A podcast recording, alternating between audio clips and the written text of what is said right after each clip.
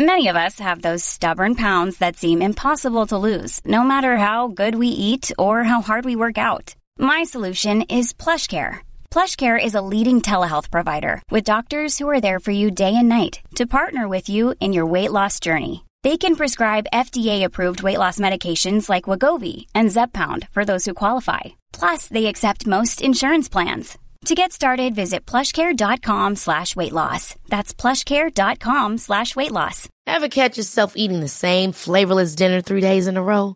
Dreaming of something better? Well, HelloFresh is your guilt-free dream come true, baby. It's me, Kiki Palmer. Let's wake up those taste buds with hot, juicy pecan-crusted chicken or garlic butter shrimp scampi. Mm. Hello Fresh. Stop dreaming of all the delicious possibilities and dig in at HelloFresh.com. Let's get this dinner party started. I'm Sandra, and I'm just the professional your small business was looking for. But you didn't hire me because you didn't use LinkedIn jobs. LinkedIn has professionals you can't find anywhere else, including those who aren't actively looking for a new job but might be open to the perfect role, like me. In a given month, over 70% of LinkedIn users don't visit other leading job sites. So if you're not looking on LinkedIn, you'll miss out on great candidates like Sandra. Start hiring professionals like a professional. Post your free job on linkedin.com/achieve slash achieve today. Jag hade nog inte tänkt att det var möjligt för det var tre män som satt där och var programchefer och hade varit det ett tag. Så att jag såg inte ens att den positionen skulle bli ledig eller vara möjlig. Då blev jag väldigt förvånad när hon erbjöd mig det här nya jobbet. Jag är ju väldigt mycket emot seniorbegrepp. Det går ju liksom att ha gjort någonting med tio års erfarenhet fast ha gjort samma sak varje år. Och då är det inga tio år. Då kan en yngre person ha mer att komma med. Det finns liksom två saker som är bra att stämma av då och då. Det är lust or must. Och är man liksom lite för mycket på must så ska man se upp. Apropå att vi ändå gör tv för hela Sverige så är det ju viktigt att ha med jämställdhetsfrågorna och de aspekterna. Att vi inte bara räknar män och kvinnor utan faktiskt i vilka frågor vem uttalar sig om vad.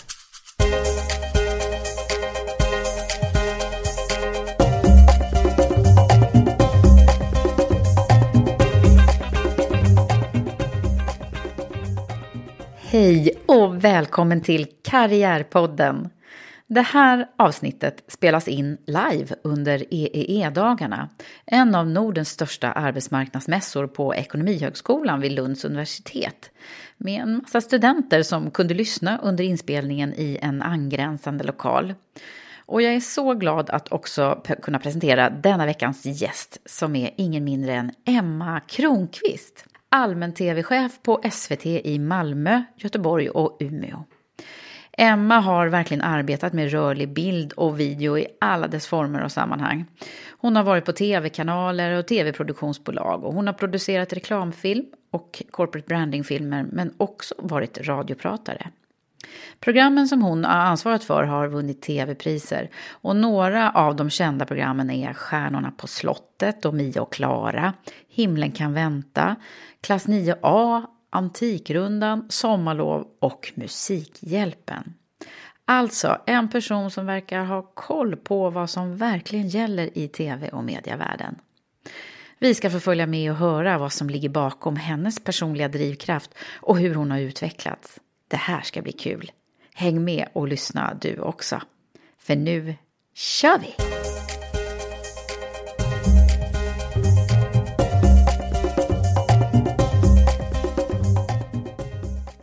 Välkommen Emma! Tack så mycket. Till Karriärpodden! Ja, här i Lund. Ja, det är ju helt otroligt. Här, Ja. Vilken härlig energi det är här Ja. på mässan. i Ambitiösa studenter, mycket folk. Ja. Ja. och så ska du och jag sitta här och prata om dig och din karriär. ja. Det ska bli jättekul att höra mer, för jag vet inte så mycket. Mer än att du är allmän tv-chef på SVT. på SVT. Vad gör man då? Ja, någon annanstans kanske det snarare skulle heta affärsområdeschef för program i mitt fall då. Så att jag eh, jobbar med eh, tv-program i Umeå, Göteborg och Malmö just nu. Just det. Så överallt utom i Stockholm då, eller hur ska Ja, man uttrycka vi har det? liksom delat eh, verksamheten på Stockholm och Sverige. Men vad gör man? Tar man fram nya program eller jobbar man med produktionen? Eller? Berätta! Både tv-husen i sig, eh, det är tre ganska olika arbetsplatser, men sen också eh, programcheferna som är ansvariga utgivare för programmen ska ju jobba med att ta fram nya program, men också inte minst bevara och utveckla de befintliga framgångsrika programmen vi gör. Ja, ah, just det. Och då är man ju jättenyfiken så här, vilka dina favoriter är. Men det, det kommer vi nog att prata om tror jag. Ja, kanske. Men eh, det här ska ju handla som sagt om dig och hur din karriärresa har sett ut. Ja, om det nu är en karriärresa. Ja, ja. hittills i alla fall. Ja eh, hur utvecklingen har varit för dig och hur du har tänkt lite den resans gång. Därför att jag tänker att vi har så mycket att förmedla till studenterna här och till andra som är fundersamma över vad de ska göra och hur de ska gå tillväga här i livet. Mm. Så nu ska du dela med dig. Mm. Men jag tänker så här, eh, hur började det hela? Om vi tar det från allra första början. Ja, det finns nog ganska många olika eh, sätt att börja berättelsen på. Men mm. eh, jag gick på en förskola eh, som var alldeles nystartad, som var väldigt speciell i Malmö på sjukhusområdet. Där barn som hade föräldrar som jobbade på sjukhuset fick gå tillsammans med barn med funktionsnedsättning. Så att det var ett projekt som, med, med den förskolan. Mm. Och då kom tv dit och gjorde ett inslag. Eh, och det tyckte jag var jättespännande. Och jag kommer ihåg den där intresset för just det. Alltså att de var där och att förskolan fick den här uppmärksamheten. Och det ringdes runt släktingar, vänner och sådär. Kan ha varit. Hur gammal var du då? då? Ja, fyra, fem. Ah. Eh, om jag spekulerar kan det ah, ha varit då. Men sen så eh, spelade jag teater när jag var liten. Eh, studieteatern i Malmö. Och eh, en dag satt där en regissör i publiken. Och eh, sen fick jag rollen i Skånska mord som var en serie SVT gjorde. Jaha. Där jag spelade dotter till mördaren. Men eh, det var ju lyxigt att bli upphämtad av produktionsledare på morgonen. Men det som var för mig var att jag blev helt fascinerad av magin bakom kameran. Ah. Alltså hur teamet funkar, hur de jobbade, mm. pratade om berättelser, vad de var nöjda med. Så att jag ville bara vara där på andra sidan. På andra sidan. Ja. Gud vad det är spännande det där att det är saker i ens, redan så tidigt, alltså i, i barndomen, som kan avgöra lite grann hur våra framtida, i alla fall hur våra intressen eh, styrs. Ja, jag vet inte om det hade kunnat vara så att jag stötte på någonting annat också eller sådär såklart. Men mm. eh, det har ju funnits med. Och sen mm. började jag jobba med radio väldigt tidigt. Ja, hur gick det till då? Ja, men jag hade en tjejkompis, min bästis Helena, som eh, jag tror hon var så lite kär i en kille som pratade i lokalradion i Malmö. Okay. Och hon var lite mer så, eh, så hon tog med mig dit. Eh, och hon upptäckte ganska snart att den där killen inte var så spännande när hon fick se honom. Men däremot Han hade bra röst helt ja, enkelt. Exakt, ja. precis så. Men däremot så blev jag fascinerad av jobbet och hur kul de hade. Återigen, mm. så här fem, sex år äldre, mycket killar mm. eh, som eh, jag kunde hjälpa till att börja svara i telefonen, bära skivbackar och sen blev jag lite så DJ-assistent och sen så började jag jobba där och där fanns också en, eh, en jätteviktig person för mig i livet som sa så här, men varför, varför börjar inte du prata i radio? var nästan inga tjejer heller. Ah, där har vi din första sponsor då eller? Exakt. Jag brukar prata om dem, eh, de här som Det var min liksom lyfte en, första eller? riktiga och han trodde ah. ju att jag klarade allt. Han lånade ut sin bil innan jag hade körkort. Mm. Han eh, gav mig radiotid, eh, tog mig med ut på uppdrag. Eh, allt var möjligt med ja. honom. Gud vad eh, härligt. Ja. Det där, den där lilla skjutsen liksom, det är ja. den som också betyder mycket för eh, hur det ska gå sen tror jag. Precis. Sen behöver man ju de där skjutsarna hela livet. Men, eh, Men jag har nog tre, fyra sådana längs vägen. Vad kul. Har du kunnat liksom pricka in dem så här längst in? Det där är bra. Alltså, och det, att, det är också att också vara öppen för dem. Ja. Att våga ta emot det ljuset eller uppmärksamheten och mm. våga tro på att det där är sant och precis. att jag visst kan då. Mm. Och våga men, hoppa på eh, då. Ja men precis. Den där som vågar eh, nej, men också släppa efter sin egen kontroll. Mm. En person som är äldre men blev du radiopratare då alltså? Eller ja, ja, det blev jag. Så jag, jag, kände så här, jag kände mig fullständigt lugn över tekniken här idag. Va? det är länge proffs, sedan. Ett fullblod här från radiopratare. Ja. Nej, men jag, jag fick ju, alltså mina gymnasier, sen när jag började gymnasiet så var ju mina eh, gymnasielärare kanske inte jättenöjda över mitt extra knäck. för det gick ju ut över skolan. Jag hade inte så jättebra betyg när jag gick ut studenten. Nej, det var jag hade så. gjort Mm. väldigt mycket annat samtidigt. Du hade många järn i elden där alltså? Ja, Mm. jag fick inte så mycket pengar på Sanda Radio. Det var liksom lite då och då man fick lön. Men eh, annars så jobbade jag också extra på McDonalds och så, för att få ihop pengar och göra det jag ville göra. Ja. Hur såg det ut annars i din eh, barndom eh, och din eh, uppväxt då? Ja, nej, men jag är uppväxt i en stadsdel i Palme som heter Kroksbäck. Som många känner till på grund av att det brukar vara en del våldsamheter där idag. Eh, bodde med min mamma och pappa där och min storebror som är sex år äldre än jag, Ola. Mm. Mm. Så du är lilla syster. Jag brukar ju ägna mig åt att fundera över. Stora systrar är rätt vanliga i, i, med, som är med i Karriärpodden. Ja. Mm. ja, jag känner nog mig väldigt mycket som lilla syster men sen är jag stora syster för jag fick eh, två syskon till lite Jaha, senare i livet. Okej, ja, ja, men då är du ju både och. Ja, Ja. jag är faktiskt det. Jaha, men hur var du då som liten tjej? Ja, men jag fick nog veta att det var ganska bra att försöka klara av att göra saker själv. Jag vet inte om det var 70-talsandan eller mina föräldrar bara. Men ville jag rida så fick jag ta reda på var man gjorde det någonstans. Eh, och sen fick jag också cykla till de ställena jag ville, gå på olika aktiviteter själv, även om det var kväll och mörkt och lite läskigt. Eh, Så du fick fria, fria tyglar liksom? Ja, eller mycket ansvar tror Ja, jag. mm. Eh, jag hade släkten i Stockholm och fick ta nattåget dit själv när jag var ganska liten. Och eh, ringa och sjukanmäla mig själv på förskolan och så. Mm. Så eh, länge i livet har jag tänkt att det där var ju superbra. Alltså eh, verkligen. Men Mm. lite på senare tid har jag nog också funderat över eh, avigsidorna av det. Att få kanske för mycket ansvar ibland. Ja, hur, Eh. på vilket sätt har det påverkat dig då? Nej, men man, när man ska fatta st- stora svåra beslut är det ju väldigt bra att gå in i det läget. Eh, men sen någonstans måste man ju också ta med sig känslorna. Och då måste man hitta dem igen. Eh, så det har jag lärt mig. Det var jag sämre på förr.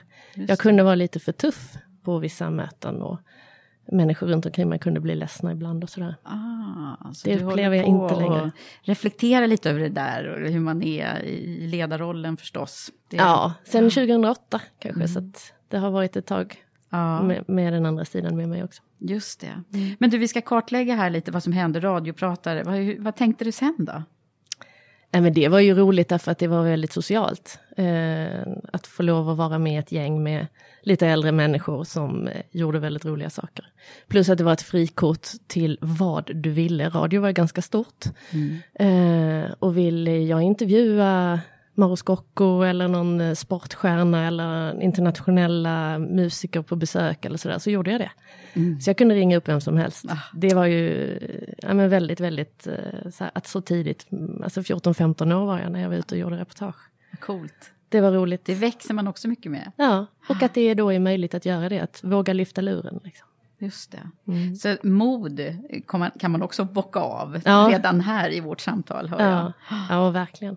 Hade du med dig det, liksom, det här modet från början? Är det något du har ärvt eller? Eh, det är väl svårt att svara på, men nej, jag har nog varit ganska modig. Eh, beror på i vilka sammanhang. Jag var nog inte jättemodig med svåra samtal för om Nej. man ska ta den delen. Nej. Mycket modigare att eh, ta tåget ensam ner till Frankrike när jag var 15-16 år. Och den typen av mod har jag alltid haft. Det Mm. Så- andra modet har jag liksom fått eh, eh, jobba mer på. Ja, ja vad spännande. Vad, vad hände då i rent karriärmässigt efter radio? När började du eh, satsa på din utbildning? Ja, då fanns det ju inte särskilda gymnasieskolor för eh, media eller film eller sådär. Utan jag gick två dagar på eh, teknisk. Därför det var väldigt bra, trodde jag, att jag skulle gå på teknisk för att jag höll på rätt mycket med teknik med radion. Men det var för tråkigt, alltså jag stod inte ut. Så att jag fick gå upp och prata med de som planerade studieplatserna. Ja. Och sen började jag på samhällsvetenskaplig linje, så där gick jag tre år sedan. Okej. Men som sagt, med en del frånvaro. Ja, just det. Mm. Och, men sen vet jag ju att du har gått eh, Dramatiska institutets tv-utbildning, men det var senare det? Mm, det var senare. Jag gick på Skurups folkhögskola. Eh, och sen jobbade jag ganska mycket, startade eget bolag. Och sen kände jag väl att jag behövde en paus i det. Eh, jobbade ganska mycket. Eh, Och då var det, vad då för någonting som var egna bolagets det var alla möjliga former av uppdrag, alla former av filmer. Film känns som att eh, många bolag och institutioner har behövt mm. eh, under ganska lång tid. Så nu kom film in och blev en del, ja. som är ju också din röda tråd när man läser.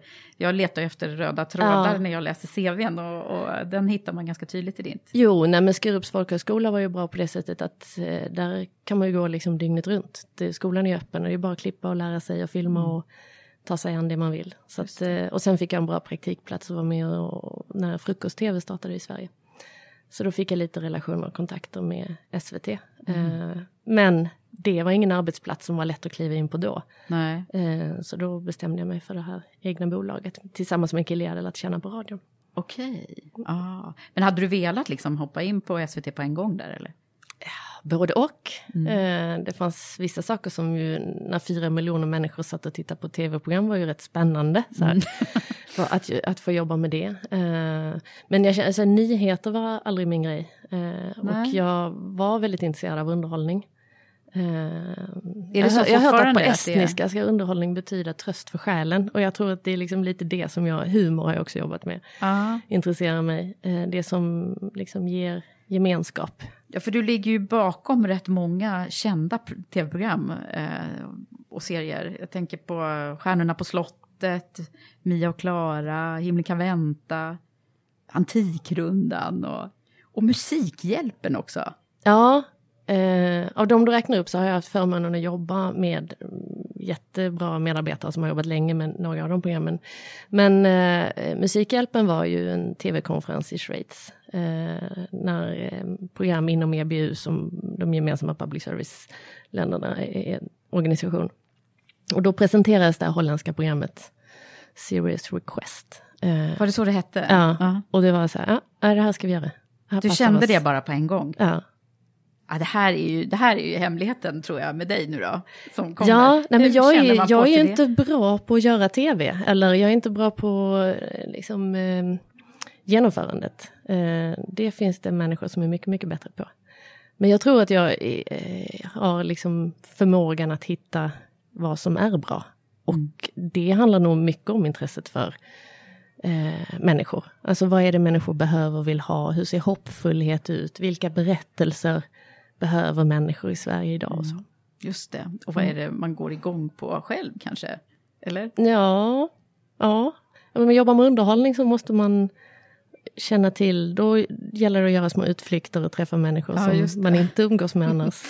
Alla tänker inte som du kanske? Nej, nej men det är precis så. Mm. Det är lättare att göra film som jag kanske själv gillar och så, än att göra någonting som tilltalar många. Ja.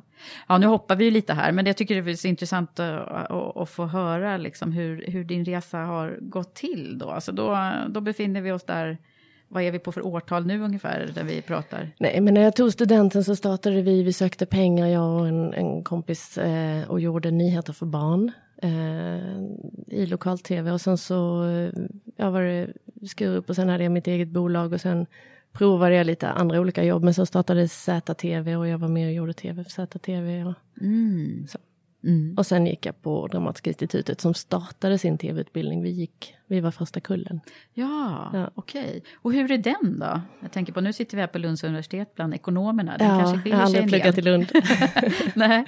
Eh, nej, men det gör det säkert. En konstnärlig utbildning är ju, eh, nu har jag inte pluggat någon annanstans, men jag tänker mig att det är väldigt annorlunda. Eh, det handlar väldigt mycket om dig själv eh, och eh, din studieplats och vad du får ut av den. Så jag hade ju ganska stor möjlighet att påverka även hur det skulle se ut för mig med min utbildning. Och sista terminen kände jag att jag inte kom riktigt längre där jag var. Och då hade jag möjlighet igen att kunna bara så lyfta luren och ringa BBC och säga att jag går den här utbildningen och kan jag få komma över och mm. jag ville träffa... Då hade jag möjligheten säger du. Mm. Ja, möjligheten, ja. det tänker jag också på. Och det har ju alla såklart. Ja, och att mm. se sin, sin plats, sin position som just en möjlighet. Så här, kan jag, när, när jag befinner mig i det här, vad kan jag använda det till då? Det kommer ju tillbaka hela tiden. Men från stu studietiden får man absolut inte missa. Nej. Den är en viktig del, att ja. kunna ha det där eh, kortet. Liksom. Precis, och man får ju mycket på något sätt råg i ryggen också under studietiden. Ja, men just det att jag, jag upplever i alla fall att många var väldigt öppna och välkomnande då. Mm. Man jobbar inte i någon konkurrerande verksamhet eller så, utan... Nej. Så du gjorde det, du ringde Ja. bara? Ja. Och så fick Ja. du jobb? Nej men så åkte jag dit och så fick jag träffa så legendariska tv-producenter och så. Och sen så var jag också på NRK som, i Norge som hade en väldigt bra utvecklingsavdelning. Så där var jag sen också, några månader. Vad gjorde du då för någonting? Då var jag ju mest nyfiken på hur de byggde upp sin eh, utveckling eh, kring nya tv-program. Hur det arbetet såg ut. Så det koncentrerade jag mig mest på under den tiden. Och underhållning.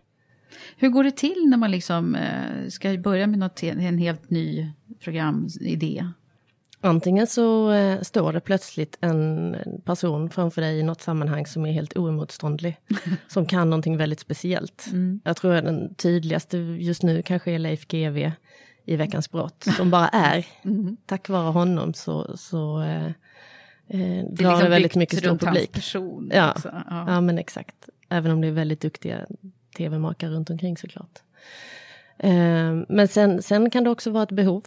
Så här att nu borde vi kanske göra någonting om situationen i Malmö eller kring eh, nätmobbing eller eh, klass 9A som jag också har varit med och jobbat med. Just och sådär. Så det, det är ett stort samhällsintresse Mm. måste man ha om man ska jobba med produktion på det sättet.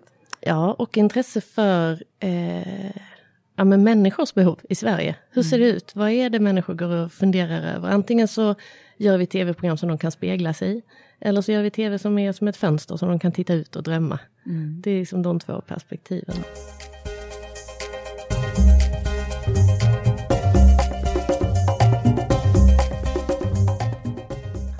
Men du Emma, när, när kom din första ledarroll då? Eh, ja, jag var ansvarig eh, för en filmavdelning på ett produktionsbolag. Jag har jobbat som kreativ chef på ett par olika ställen och sen har jag, men så här riktigt formellt, eh, blev jag programchef 2005.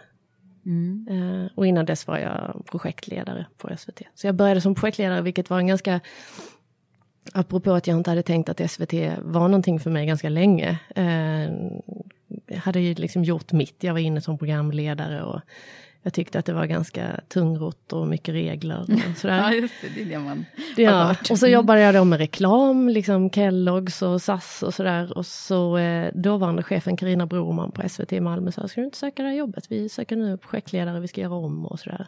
Eh, och det tyckte jag bara var spännande, att det fanns en person som faktiskt frågade mig. Mm, där kommer en till sponsor eller? Exakt. Ja. Det gör det.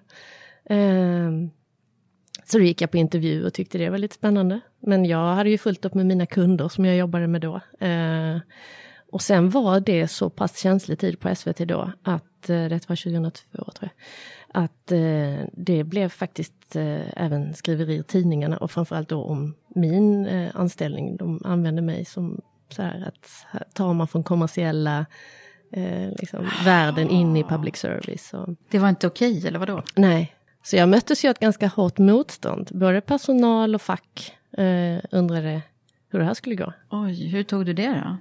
Eh, nej men jag, jag kände tillit till eh, chefen. Eh, så här, ja men eh, jag tror att jag, eller jag litade på henne. Jag kände att hon hade någonting som jag gillade Ja. och var beredd att liksom, jobba för henne. Eh, Men det blev liksom ett mediadrev kring dig då? Inte efter mediadrev. person? Nej, men, det, ja, men precis. Jag blev någon slags liksom bild för den där förändringen på SVT när gamla producenter skulle ta ett steg tillbaka. Mm. Gud, vilken förändringsresa det är ändå. Ja. Det känns som stenålder lite det här som du pratar om. Det, Ja. det inte så länge sedan bara. Nej, men jag, nej precis. Nej, men det, var, det var ju ganska tufft. Men eh, som sagt, det fanns några personer där som jag gillade. Så att, eh, Och när man tittar på ditt, eh, din eh, ledarskapsresa då, hur, hur, hur har det sett ut? Från, eh, Den har nog handlat väldigt mycket om, eh, inte liksom att jag själv har haft höga ambitioner att bli ledare eller chef, utan om mina ambitioner med vad jag åstadkommer för någonting i jobbet. Att det har varit vägen. Eh, prestera där du är. Om du nu ens vill bli chef och ha det som mål, skulle jag nog snarare säga. Eh, börja med det, istället för att titta på hur ska jag bli en bra chef eller ledare. Ja, just det. Men när du blev eh, första chefsjobbet där, Mm. hade du tänkt dig sådär någon gång innan att jag kanske är en ledare trots allt? Nej, men jag tyckte nog att jag liksom funkade väldigt bra som projektledare. Men mitt första projekt på SVT var ett av de värsta jag någonsin har gjort i hela mitt liv. Så att, eh, det var också det att det var väldigt utvecklande och jag hamnade mitt i alla eh, liksom förändringsfrågor med det stora projektet. Ett riket, ett underhållningsprogram som vi spelade in i Polen, 100 dagar i sträck med 100 man.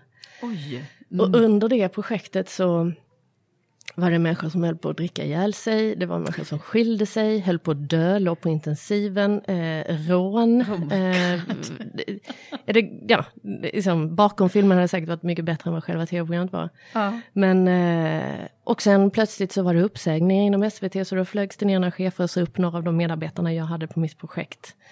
Eh, så tillsammans med en produktionsledare på SVT överlevde jag väl det där. Eh, och sen förstod ju min chef, hon som hade anställt mig, att det här var inte så bra. Det var ett väldigt tufft läge. Och då flög hon också ner och då bjöd hon ut mig på middag sen och eh, då, precis innan dess hade jag sagt, det här är det sista jag gör på SVT. Jag tror att SVT har fått allt som jag kan nu. Mm. Jag kan liksom inte ge mer. Jag har försökt ändra och jag har liksom förhandlat och jag har gått in och börjat jobba med kvantifiering av rättigheter kring eh, idéer, all, allt. Så, eh, så jag var liksom redo att dra. Det var så? Ja. Så det var en riktigt tuff utmaning det där ja. första? Ja, men vad hände då? Liksom, har du tagit med dig någonting eh, ifrån det där? För du är trots allt fort, fortsatt ledare. Jo, nej men jag fick ett annat gott råd från en, en, eh, en kille som jag hade jobbat med tidigare. Så sa men vad sägs om att bara prova någonting annat och stanna kvar? Och det har jag haft med mig eh, flera gånger. Så att eh, faktiskt eh, att det kan vara mer utmanande än att ta sig an någonting nytt. Jaha, just det, våga stanna ja, kvar. Liksom. Våga vara i det här nu. Mm. Eh, och se hur utvecklingen och det här kan bli, den här nya situationen. Ja, just det. Men apropå att jag inte hade några chefs... Är det här ett av dina karriärråd undrar jag? Våga stanna kvar, eller? ja, det, ja, ja, jo, nej men det, det skulle jag nog säga. Åtminstone pröva tanken fullt ut. Mm.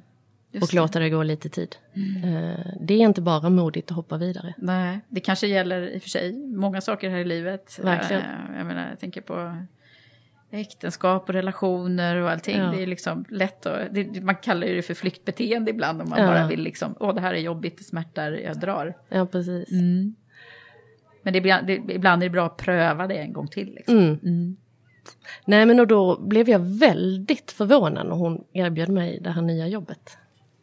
Ja. Eh, och eh, jag hade nog inte tänkt att det var möjligt för det var tre män som satt där och var programchefer hade varit det ett tag. Eh, så att jag såg inte ens att den liksom, positionen skulle bli ledig eller vara möjlig. Och någonting som också har varit fram till nu och när jag fick det här jobbet, jag har varit yngst. Jag har varit yngst på liksom alla arbetsplatser jag ja, hittills har varit. Ja, ja. ja, du är jätteung. nu är jag inte det, men jag har varit det. Ja. Och det har också varit ganska speciellt.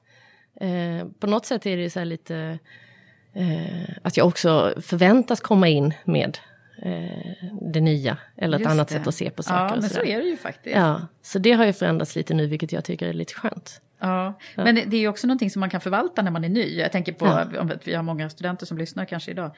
Eh, alltså det är någonting som jag tycker man ska eh, mm. också som, som äldre person nu då, värna om mm. när man tar in unga, att, att liksom lyssna på deras idéer och så. Ja, precis. Vi brukar prata på jobbet om eh, min ledningsgrupp om den omvända introduktionen. Ja. Alltså ta in en ny person men berätta inte alls hur det funkar här. Nej, Spara precis. det. Mm. Utan eh, lyssna först. Dra nytta av ja. liksom... Eh, Höra de... idéerna och det oförstörda och mm. allt annat som en ny människa kommer in med. Precis, och vi pratar om i, i det jag håller på att bygga med Women for Leaders pratar vi jättemycket om mm. reversed mentorship. Just det. Eh, alltså att man, att man kan få så mycket ut av att eh, känna glädjen och energin också i en, mm. en uh, ung och oförstörd människa. Ja men verkligen. ja. Okej, okay, men du var den där unga. Mm. Ja, precis. Och då, eh, då var det så att jag hade genomlevt den här eh, otroligt tuffa produktionen som liksom där allt egentligen prövades. Allt. Och då tänkte jag också att jag kanske skulle ha det lite lugnt och så åkte vi på semester till Sri Lanka, jag och min dåvarande sambo, och råkade ut för tsunamin. Så det var det ah. året. Oj, så det hände mycket för dig där. Ja. Men eh. hur var det då? Ja men det, det är ju det är ju en sak att vara i någonting så plötsligt och oväntat eh, och ha de bilderna med sig för resten av livet och faktiskt ha prövat överlevnad på riktigt. Eh, var ni väldigt nära? Ja, jag blev räddad i, i havet. Eh, så det var ganska illa. Och också ovetskapen om vad som ska hända och hur man tar sig ur en mm. sån situation och katastrof. Ja.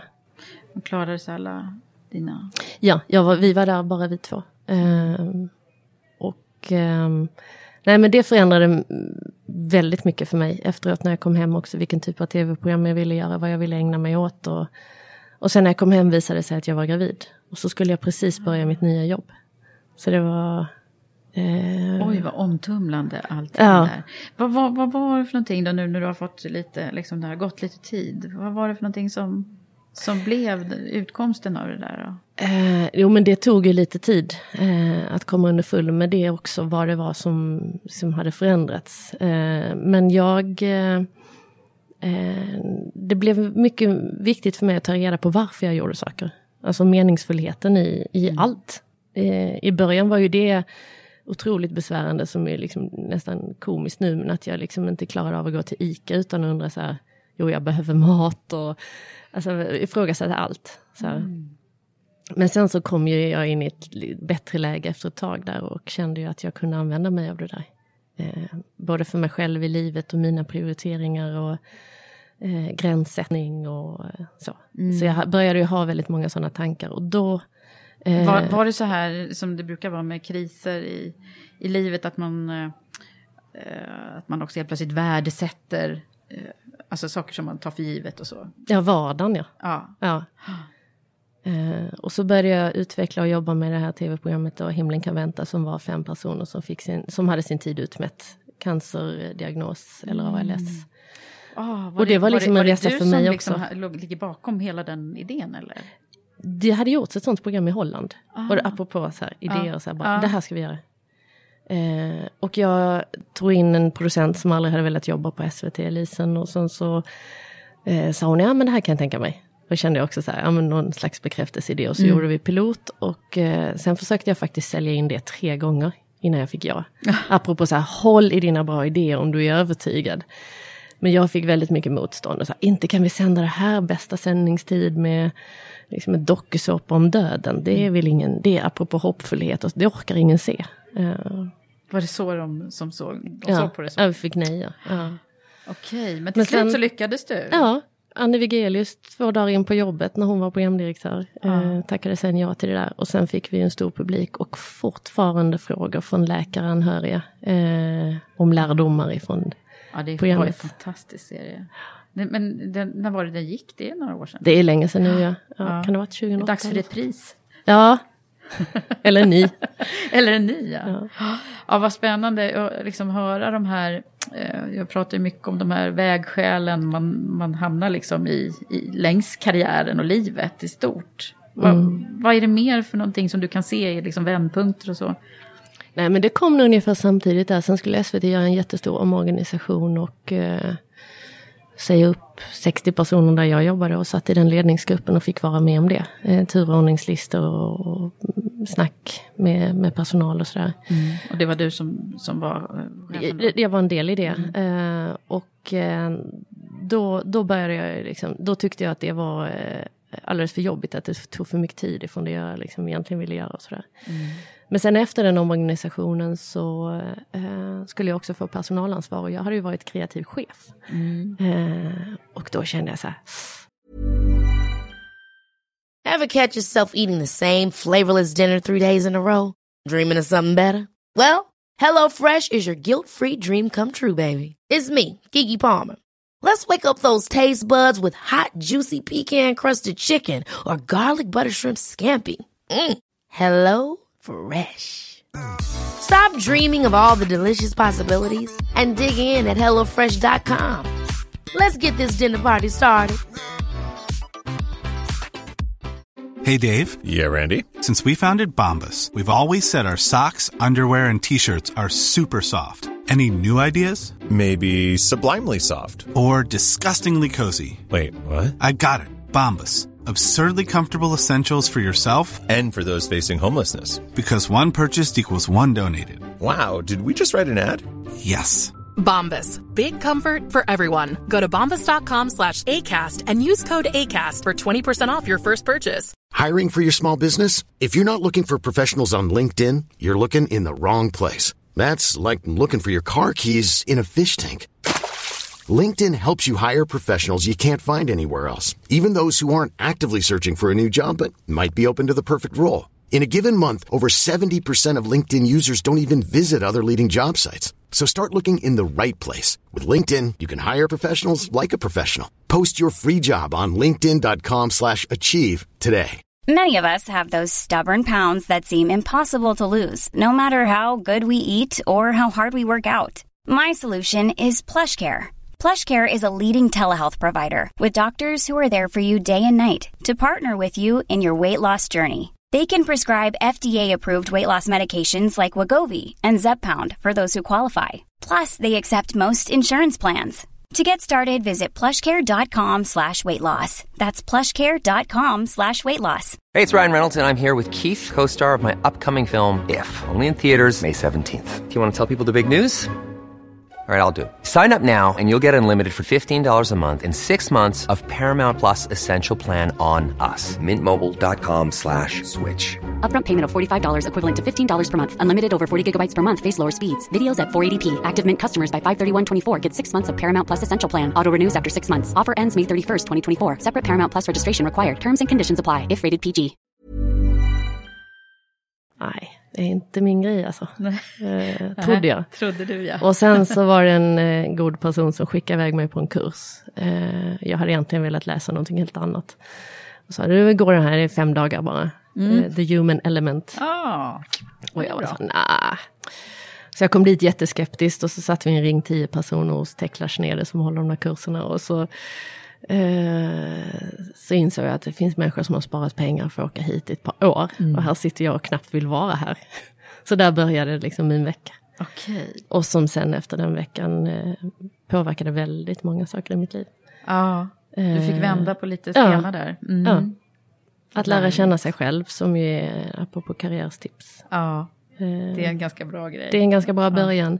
Och den tar ju aldrig slut. Eh, Nej. Så man får ju liksom inte anse sig färdig med det heller. Nej, man får ju inte det. Nej. Och det tycker jag är en sån himla bra grej det där. För Ja. att om man, om man lutar sig tillbaka och tror att man liksom, jag kan allt och nu är jag färdig och så. Det, det ser jag många i, i Ja. min generation och äldre som, som gör. Mm. Och hur, hur galet det blir alltså. Jag är ju väldigt mycket emot seniorbegreppet överhuvudtaget. Det går ju liksom att ha gjort någonting med tio års erfarenhet fast ha gjort samma sak varje år. Ja, Och då är det inga tio år. nej, Då kan en yngre person eh, ha, ha mer att komma med ja, i en diskussion. ja, verkligen. Så det där blev en riktig Ja. eh, grej för dig. Mm, det blev en viktig grej för mig. Vad hände eh, efter det då? Gjorde du nya beslut? I... Ja, det gjorde jag ju. Eh, jag blev mycket mer mån om även mitt privatliv.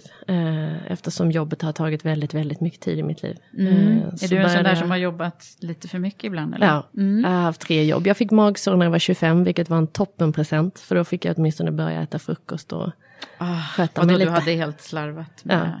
Ja. Och så jobbade jag tidigt, jag jobbade, började morgnarna, jobbade på radio. Och sen så jobbade jag på tv på dagarna och sen hade jag en liten kortfilm som jag hjälpte någon med på kvällarna. på kvällen. Så att det gick inte. Nej. Eh, Men det var så tidigt som 25. exakt, vilket ju var jättebra. Att jag fick med mig det så tidigt, att det där funkar ju inte. Nej. Nej. Men det är så med högpresterande personer att man ibland liksom går överstyr på det där. Ja. Men sen har jag tror jag vi har varit ganska bra på att eh, inte jobba på helger och så. Eh, Svara på mejl om jag inte vill. Eh, ibland kan det vara skönt att göra det på kvällen också. Jaha, men så blev det en personalledare av Ja, dig då? det blev det med personalansvar och då eh, eh, skedde det samtidigt. Det var liksom en lycklig utveckling på något sätt. Men dels efter så här, att jag blev mer intresserad av hela livet. Och sen också då eh, den här kursen och att den, de förändringarna skedde på jobbet. Och då, då blev det en ny liksom, eh, målsättning. Så här, att eh, nu måste jag bli liksom, jättebra på att bygga ihop det här teamet som är det teamet som ska jobba med mig. Ja, Och det, det hittade jag väldigt, väldigt mycket lust i. Ja, Ja. det gjorde det. De här medarbetarna ska känna sig liksom hemma med varandra, hemma med mig, veta vad de har mig, veta, få mycket frihet eh, och göra det de vill. Eh, så länge vi levererar det vi ska. Vad, vad säger man om dig då som, som chef nu tror du? Eh, nej, ja, många tycker att jag är lite sträng. Så här gammaldags sträng, Mm. apropå att hålla tider och inte sitta och liksom eh, sköta annat när vi har möte och sådär. Eh, sen är jag, jag tänker högt, vilket är på gott och ont. Eh, jag försöker lösa saker tillsammans, men det betyder att jag är ibland väldigt oklar när jag prövar mina idéer. Ah, Eh, så ibland så eh, eh, hänger inte riktigt alla med. Så då, och det har jag liksom också fått så här, jobba med, så här, ja, men ge mig feedback. Mm. Eh, så. Just det, och, och lärdom Och be om det. man, eh, att man säger, eh, nu tänker vi högt. Exakt. liksom. Ja, och är vi redo för att ta det här nu? Eftersom jag ofta har eh, idéer som kanske är tre, tre år för tidigt eller sådär. Så behöver jag också lite hjälp med det. Så att, Mm. Ska vi lägga bränsle på det här nu? Eh, eller ska vi vänta lite? Men du, när du har fått de nya jobb, för det har du ju fått längs resans gång, vi hinner ju inte gå igenom alla, alla avancemang och så, men Mm. eh, hur, hur, hur, hur har det gått till? Har du själv liksom, eh, visat intresse eller har du bara blivit handplockad till nya projekt? Eller? Oftast handplockad. Men jag har också blivit så här, riktigt, riktigt rekryterad. Mm. Både och. Mm. Eh, och sen var det också ett sånt jobb som jag, jag fick i Stockholm, men som jag tackade nej till för att jag faktiskt ville bo kvar i Malmö. Ja, för det är ett, ett val du har Ja. gjort. Ja, det är det. Och jag tror att jag enligt antropologer lever något sånt så här gyllene liv med att ha liksom skola, vänner, arbetsplatserna är inte resa då. Mm. Ganska nära där jag bor. Ja, men du hade uttalat det någonstans läste jag om att det var som en, du gillade att vara underdog, liksom, att du bodde här nere. Eller, det kanske ja, det var nog då. Ja, ja, nej men visst. Ja, det var när jag var chef över Malmökontoret då. Ja. Eh, Men det är ju många bolag som väljer idag att ha verksamhet på olika ställen i världen just för att få mångfalden. Så att det känner inte jag med SVT eller public service att det är så här att måste ha tv-hus på alla möjliga ställen. Utan det handlar ju faktiskt mer om framgång. Ja, just Mm. det.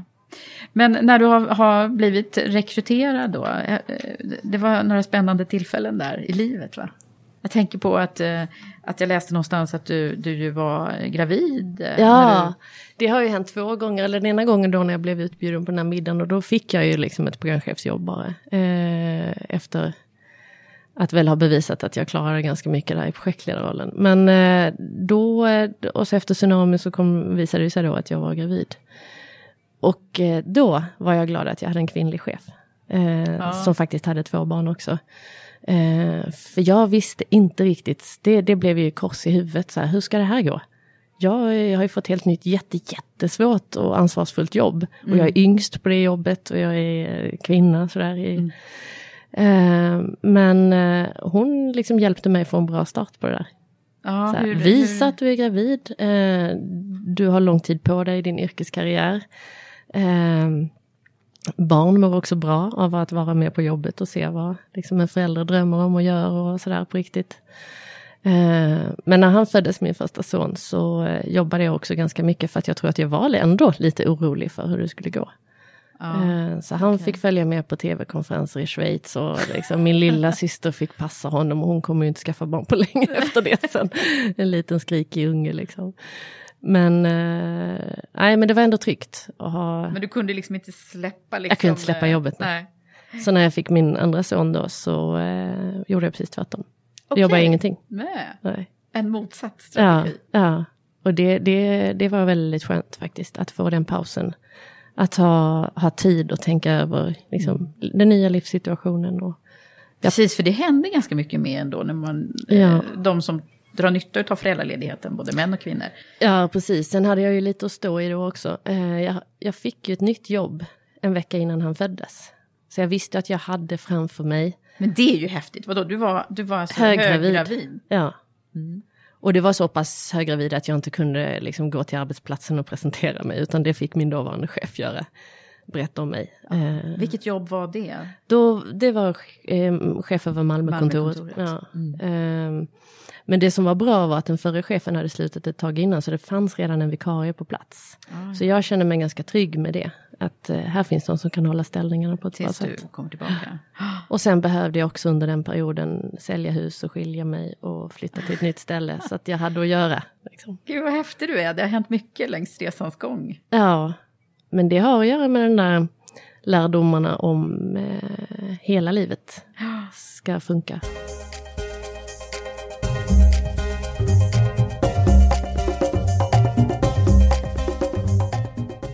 Men du, eh, det jobbet som du har nu då, det är Mm. ju eh, både Malmö, Göteborg och vad sa du nu? Umeå. och... Och sen är ju ledningsgruppen jag sitter i i Stockholm. Ja, just det. Så nu är det mycket människor inblandat Just det. överallt. Precis, och sen det var ju nu i, i, i höstas, så var det en omorganisation med detta.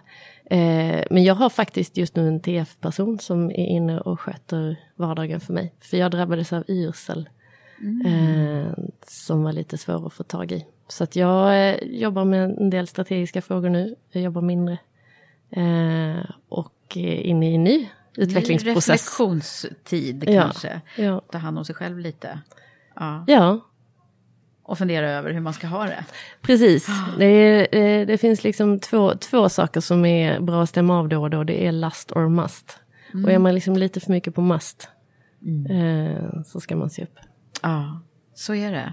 Vi lär oss hela livet som sagt om oss Ja. själva. Eh, det tycker jag det, det, är, det är bra kanske för de här unga personerna här ute, utanför, utanför rummet. Eh, Ja, nej, men många tänker, man pratar om den här löken, man ska, man ska in alla lager och sådär. Men det var också någon som sa så klokt att ja, men när man är där inne, det är ju då möjligheterna för att bygga utåt istället kommer. Ja. Och så tycker jag verkligen att det är. Ju Ja. mer jag lär mig, desto större möjligheter finns det. liksom. Precis. Det är oftast när man är i de där eh, liksom, reflektionstiderna som det, eh, eller liksom mellanperioderna som, Mm. det, som det kan hända stora saker. Mm. Spännande att se vad som händer med dig då. Mm. Men du, om vi skulle snegla lite på, på det, som, det som du liksom hittills, har du karriärplanerat någonting eller har det varit så här, det har bara hänt det som har hänt? Eh, nej men det, det kan man nog säga att det, det har hänt det som har hänt, verkligen. Jag har ingen sådär att jag gick en utbildning för att få något särskilt, utan det har varit helt styrt på intresse, intressefrågor för mig. Så att nu vill jag ägna mig åt det här och jag vill Mm. liksom verkligen bli bra på det här för att kunna behärska det här och åstadkomma Mm. någonting. Och det, där med, det är så många som säger det till mig i Karriärpodden framförallt. Så är det ju många som säger det här, att man ska hitta sin passion och det man brinner för Mm. och så. Jag säger ju själv det också. Hur, har du någon liksom idé om hur man, hur, hur har du liksom, det låter ju för sig som det började redan när du var fem då, eller vad du sa, men alltså att du hittade det här intresset. Ja, men jag, det, det, det som har varit för mig tror jag är att jag har varit väldigt, väldigt intresserad av historieberättandet. Och eh, med det kommer ju också då en, en förmåga eller en möjlighet eller då att faktiskt ägna ganska mycket tid åt att ta reda på vad det är som händer när det brinner till, när jag, när jag känner den här liksom engagemanget. Kicken och där, ja. Kicken, Mm. ja precis. Vad är det för något och vad består det av och varför händer det? Varför händer det just nu och varför händer det i de här frågorna? Den typen av reflektioner har hjälpt mig väldigt mycket. Och att jag också har kunnat gå in på nya ställen med nya människor och sett sammanhang. En berättelse som liksom på något sätt bara ligger där och finns där och som ingen har bara packat ihop. Den är liksom klar fast det är ingen som har eh, tagit hand om den och berättat den. Eh, och det har jag också väldigt mycket gått igång på att leta upp de där sakerna. Eh, och de finns egentligen i vilken verksamhet man än jobbar med. Eh, eller vilken arbetsgrupp, det finns en berättelse om en arbetsgrupp också. Ja, vad spännande. Eh, för det där är, eh, jag kan själv reflektera över att min, eh, jag pratar inte så mycket om min karriär i Karriärpodden, men jag har ju bytt spår lite grann, men det har ändå funnits liksom eh, ett intresse som eh, som jag nog inte visste från början. Eller det är väldigt svårt att sätta ord på det. Det här med att jag skulle brinna så mycket för människor och, och, Mm. och så. Va?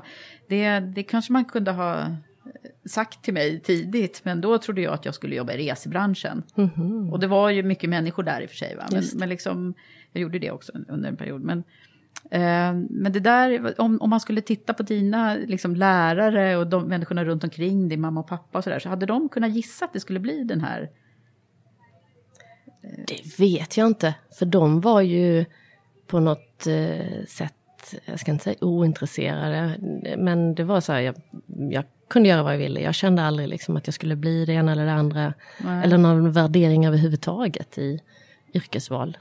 Var, var, var det någon av dem som hade ett kreativt yrke som du tror att du har liksom tagit rygg på eller? Nej, det är ju, min mamma jobbar ju som sagt på sjukhuset i Malmö Mm. på barnkliniken. Eh, och min pappa var lärare. Mm. Och inte fanns liksom inte någon som helst kontakt eller relation med någon släkting eller annan som hade någon liksom, närhet till mediebranschen eller Nej. så. Nej. Så det var du själv som, eh, som liksom hittade det här intresset? Ja. Vad har, de, vad har de tyckt om dina val och så då? Ja men både och. Det är, det är ju att jobba just på SVT och på, det finns ju fler ställen. Det är ju, en verksamhet som det är väldigt, väldigt mycket ljus på, på gott och ont. Att eh, det, det är på ett sätt väldigt bekvämt att jobba på ett sånt ställe därför att eh, alla säger åh vad spännande och vad kul. Det hände när vi gick in här nu till Ja, exempel. Precis. Eh, och så säger jag ja det kan det vara. Därför egentligen är det ju liksom det är hårt slit och jobb och jag, många som har sökt sig till mediebranschen har jag sagt ta en Magnesyl och en kalldusch och glöm det. Liksom. Eh, att det finns en så glorifierad bild. Ehm, så jag tror det är mycket, mycket viktigare att få tag i själv vad det är jag vill göra än att välja liksom ett företag med för mycket ljus eller sådär. Men har, det, har du aldrig känt att du har liksom så här, nej, jag måste göra någonting annat? Eh, ja, men det, I och med att jag jobbar i projektverksamhet ganska mycket så sker ju varenda år ser olika ut och jag har bytt jobb ganska många gånger ändå. Och haft fokus, jag, från haft fokus på ren liksom, utveckling, eh, program, innehåll till att jobba mycket mer med människor till nu att jobba mer med verksamhet. Och en del teknisk utveckling också. Ja, just det. Hur, hur, hur ser du på det förresten, det här med digitala utvecklingen generellt sett? Ah, jag att säger verkligen så här, liksom- skaffa inga strategier för eh, liksom verkligen så här corporate social responsibility jobb eller för digitalt eller någonting annat. Därför att jag tror mycket, mycket mer på värderingar. Och i värderingarna ligger ju exempelvis om vi pratar jämställdhet eller den digitala utvecklingen som ju också är en generationsfråga. Då kommer ju det med det. Så jag tror eh, att bli överens om liksom, si, sina egna värderingar, värderingarna i arbetsgruppen och på företaget är det viktigaste. Eh, och jag har ju haft ett stort intresse för, för liksom, teknik och digital utveckling. Och det kommer sig väldigt mycket av relation, att det är där saker och ting kan uppstå. Eh, det som många är liksom intresserade av i varumärkesfrågor och sådär, att bygga den där relationen med publik eller användare eller vad det är, konsumenter, den är ju plötsligt möjlig nu. Ja, Så nu handlar det mycket, mycket mer om vad, alltså innehållet och vad det består av. Mm. Ja, här sitter jag och poddar med dig till exempel. Ja. det är ganska kul. Exakt. Det hade kanske inte varit möjligt för några år sedan. Nej, precis. Nej. Men du, det här med att vara kvinnlig ledare då, ska vi toucha det lite grann också? Ja, Hur, ehm, hur har det varit? Jag kan förmoda att du har haft mycket män omkring dig, du också. jo men det har jag, men det är också, det, det, om, vi, om man uppehåller sig vid siffror ett tag så ser det ju ganska bra ut på SVT. Men som på alla andra ställen så finns det ju väldigt alltså redaktioner som nästan bara är kvinnor. På barn till exempel har det varit mycket så, bättre nu. Eh, skillnader på i liksom grävande journalistik eller tekniska frågor. Vi hade ett stort tekniskt eh, dilemma eller haveri här för ett tag sedan. Då var det 16 män och jag i rummet. Så att det beror ju på. Så här, Det ser väldigt, väldigt bra ut. Vi har lite fler kvinnliga chefer än vad vi har manliga faktiskt på SVT och så. Lönefrågan ser också ganska bra ut. Men sen, sen när det ändå kommer till liksom, områdena och de här delarna så, så är det ju en eh, stor skillnad att gå igenom de här rummen. Så. Men sen nu- upplever jag också när jag jobbade en sväng så i konsultbranschen hur viktigt det var eh, att faktiskt eh, våga vara både så här utifrån. Jag var ju liksom mer expert, kunde tv då jag jobbade med digital tv-utredning. Eh, och då skulle inte jag gå ner och köpa mig en dräkt, för det hade liksom inte passat in när jag skulle vara med på de här mötena, utan det var ju bra om jag liksom nästan kom i hoodie, vilket det går i. Men det var liksom att försöka leva upp till det istället då. Ja. Och där känner jag också ibland att det är ju, apropå att vi ändå gör tv för hela Sverige, så är det ju viktigt att ha med jämställdhetsfrågorna och de aspekterna. Att vi inte bara räknar män och kvinnor, utan faktiskt i vilka frågor vem uttalar sig om vad. Ja, just det. Och hur har du själv då blivit eh, bemött som, som kvinnlig ledare i manliga eh, omgivningar? Nej men mer tror jag som speciell. Alltså om man framförallt tittar på de tekniska och digitala sidorna så har det varit så att det har varit annorlunda. Att jag på riktigt har haft ett intresse kanske av att, eh, att jobba med det. Mm. Eh, och det har jag ju kunnat ha en fördel av. Eh, faktiskt. Mm. Och att också då våga ha det istället för att be om ursäkt. Mm. Mm. När man pratar om ledarskap sådär, vad, vad, vad har du för... Eh, eh, du nämnde att det var någon uppsägningssväng där som var, var tuff och så, men annars, vad, vad, har, vad har varit det jobbigaste för dig? Eh, nej men jag har ju haft en del besvärliga händelser på jobbet. Eh, situationer med eh, alkoholproblem till exempel och svåra personalärenden. Eh, och sen också ett eh, dödsfall som vi hade på jobbet för inte så länge sedan. Där jag också kände att eh, det var en person som stod mig nära. Eh, och det går på något sätt inte att gå in i det då, utan då är det viktigt att visa vad händer när en medarbetare dör. Och då får jag gå in och ta det ansvaret det. och eh, hålla minnesstund och sådär. Och det, ehm, där blir ju på något sätt ledarrollen viktig på ett, på ett ännu djupare sätt för medarbetare. Ja, verkligen. Ja. Ja, det är tuffa grejer man går igenom. Ja, man som- jobbar med människor ju. Ja, eller hur? Och det är därför det är spännande också. Ja, ja. Om man tittar på de, de höjdpunkterna då i din karriär, vad, vad har varit det där? Ja, men jag har en sån här mening jag brukar säga till mig ibland, eh, och som kanske egentligen inte är alltid de där jättespeciella sakerna, men då, då kan jag säga, jag kommer aldrig mer att be om någonting. Jag kommer aldrig mer, det här är liksom, så här, nu, nu bara spar jag det här i mitt hjärta. Liksom. Eh, det händer då och då. Ja. Eh, och det, det låter nästan fånigt när man säger det högt, för det behöver inte vara så här eh, helt omvälvande saker, men som ändå blir väldigt, väldigt viktiga. Det kan vara ett medarbetarsamtal på, i det lilla rummet eller eh, för den delen såklart att gå och hämta ett pris. Det är ju liksom att Ja, för det har titta ju siffror. eh, Och, vu- vunnit några sådana vi har vunnit priser för de programmen som, som, som jag har du har- jobbat med. Ja. Ehm, Men också tittare som kommer fram på stan eller sådär. är Mm. ju också eh, den feedbacken. När det, det, det som, som jag har varit med och jobbat med har betytt någonting på, på riktigt för andra människor. Mm. Det blir ju inte bättre på något sätt. Nej, just det, men det är de stunderna. Det där Ja. är ju också en, en, en konst, tänker jag, att, att verkligen... Det handlar ju mycket om att vara i nuet, det här, Ja. och liksom känna att wow, vad häftigt det här är, även fast det inte är liksom, som, som du säger. Eh, det är en... Det är något man kanske måste träna lite Ja, också. jag tror det. Jag tror verkligen det handlar om att träna. För det har varit mycket mer så för mig, apropå toppar, än att jag liksom öppnat champagneflaskan när jag fått en särskild titel eller någonting sånt. Utan det är mycket, mycket mer i, i vardagen Ja, som är topparna. ja topparna ja. Ja. Ja, men om man, om man skulle ringa in då dina, dina sådär... Du ska dela paid forward som vi har som ledord här i Karriärpodden. Några, några. Ja. ska eh, prova mig på några goda råd. Liksom, ja, eller? du får det nu. Ja, nej men jag... Eh, det finns en föreläsning som heter Sluta motivera dina medarbetare. Mm. Och för mig är den meningen, jag orkar inte ens formulera om den för den är så bra. Mm. Eh, det har jag aldrig sysslat med. Så syssla inte med det är ett råd. Motivera inte medarbetare, för motivation kommer bara inifrån. Den går liksom inte att få. Så jag tycker överhuvudtaget inte att det är, liksom, eh, jag vet inte, fyller någon som helst funktion att jobba med i ledningsgrupp heller. Hur ska vi motivera våra medarbetare eller så, utan det är liksom och det har ju att göra med att människan, vi är ju rädda för förändring. Och den måste, då kommer vi tillbaka till värderingarna. Det är bara då, när värderingarna är klara, vi kan fatta besluten och gå in i det vi vill. Och då ser jag mycket mer liksom ledarskapet som en viktig funktion i det som handlar om att eh, vidga vyer och möjligheter och vad som faktiskt är, går att göra. Och apropå att vara i en viss position vid ett visst tillfälle i livet, att använda det.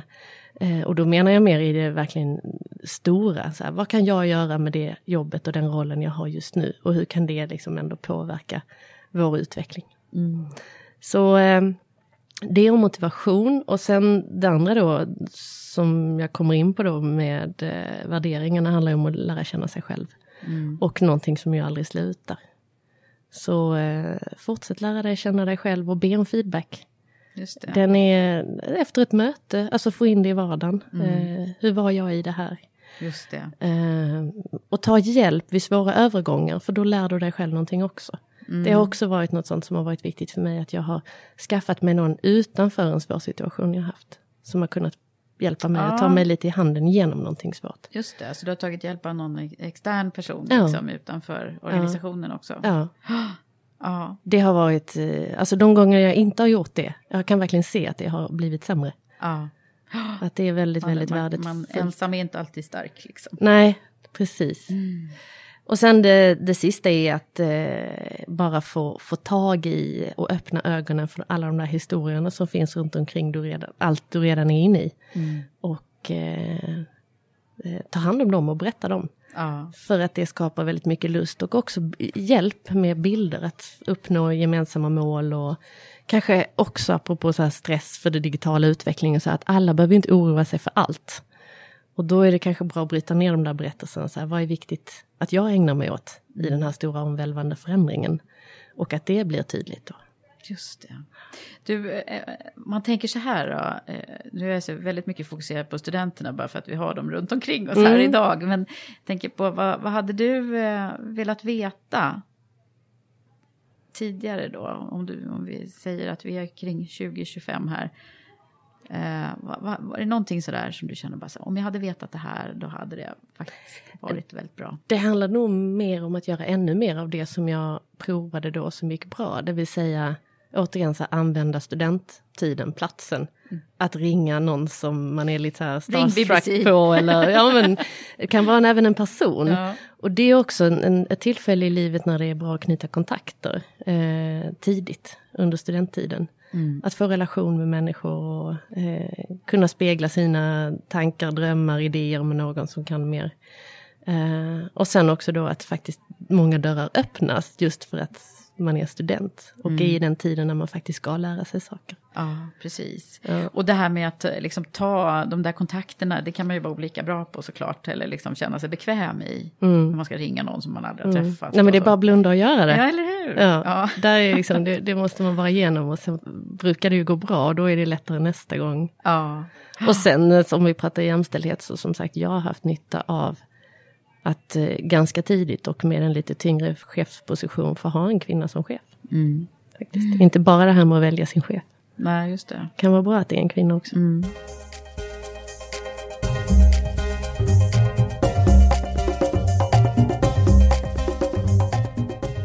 Du, eh, eh, vad, vad är det för... Eh, har, du, har, har du något sånt här mantra som du också basunerar ut både för dig själv och andra? Nja, det vet jag inte. Jag Så här, något försöker ju som du tänker varje dag, sådär, nu ska vi teamet, eller någonting. Nej, det vet jag inte. Något mantra. Nej, men det är väl att... ehm, Motto kan man ju säga. Ja, precis. Eh, ja, det har jag kanske. Men eh, jag tänker väldigt, väldigt mycket på att eh, eh, vara, vara uppmärksam för de små förändringarna. Eller det där som är, apropå toppar då, att eh, kunna fira det ganska ofta. Och då menar jag inte bara sådär beställa tårta, utan för sin egen del. Att spara de minnena, liksom, att ta med sig dem. Just det. För det är ganska mycket slit eh, liksom i, i ledarjobbet. Då är det viktigt att ta hand om dem. Och sen också, så här, var inte kvar i en ledningsgrupp om det är tråkigt. För en ledningsgrupp kan man liksom inte sitta i, utan den måste man jobba i. Och då måste, så mycket tid vi lägger på jobbet, så måste det vara luft, lustfyllt. Så är det ju. Mm. Det är kloka, väldigt kloka ord som jag undrar om det ska få ringa in lite här. Men jag har en, en liten fråga som jag sitter med och det är ju det här, vilket, vilket nu är vi tillbaka till tv-produktionen, men vilket program tycker du mest, eh, att är du mest stolt över själv att du ligger bakom så att säga? Nej, men det måste ju vara Himlen kan vänta ändå. Som är... Eh, när jag satt med en av deltagarna där i programmet eh, innan eh, tv-priset Kristallen skulle delas ut och vi sa liksom till varandra alla där att, eh, eh, att det här har fått hända, att människor får ta del av de här historierna, att ni har bjudit på det är liksom gott nog. Eh, och vad det hade betytt för dem personligen och att jag fick ta del av det. Eh, deras personliga resa genom det här tv-programmet också. Och sen då också såklart i relation till hur publiken upplevde det. Och att det faktiskt fanns ett behov. Om vi tittar på behov så 365 000 människor eller någonting har en cancerdiagnos och så lägger man på lite anhöriga så förstår man ju ändå som, så här, vikten Vidden av- att kunna prata om de här sakerna.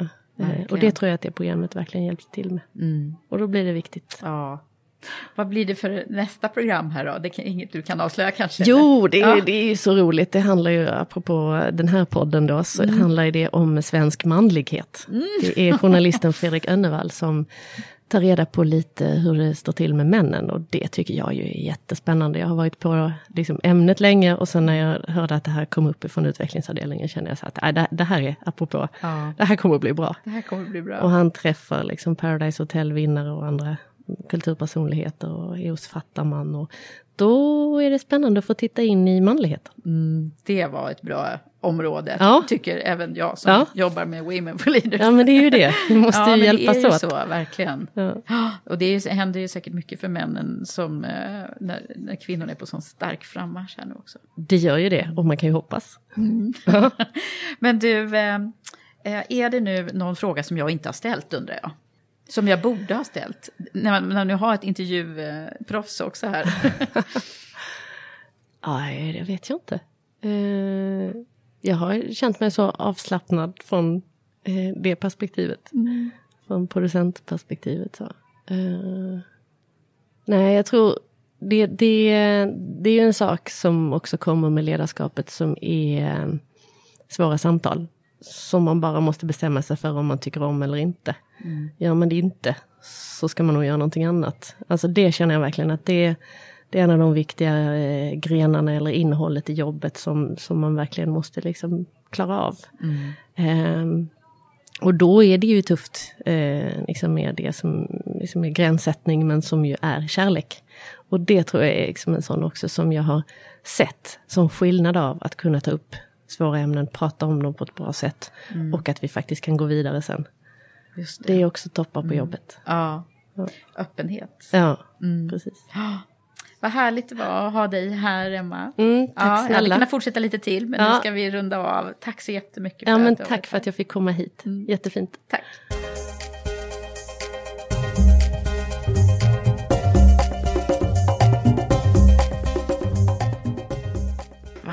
Häftig hon är, Emma. Och så bra hon reflekterar om sin egen utveckling. Det är något som jag verkligen tror att vi behöver göra mer av. Det är ju först då det händer något och att man ständigt faktiskt utvecklas om man tar sig den tiden.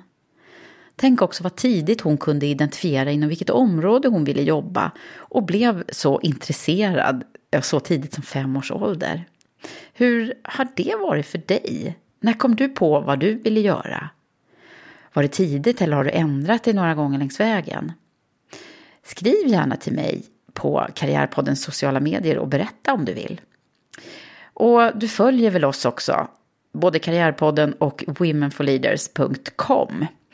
Vi finns ju förstås också i alla sociala kanaler. Och jag vill också säga tack till Lunda-ekonomerna och EEE-dagarnas kommitté. Ni är grymma. Och slutligen, tack till dig som har lyssnat. Vi hörs igen om en vecka. Ha det så bra så länge.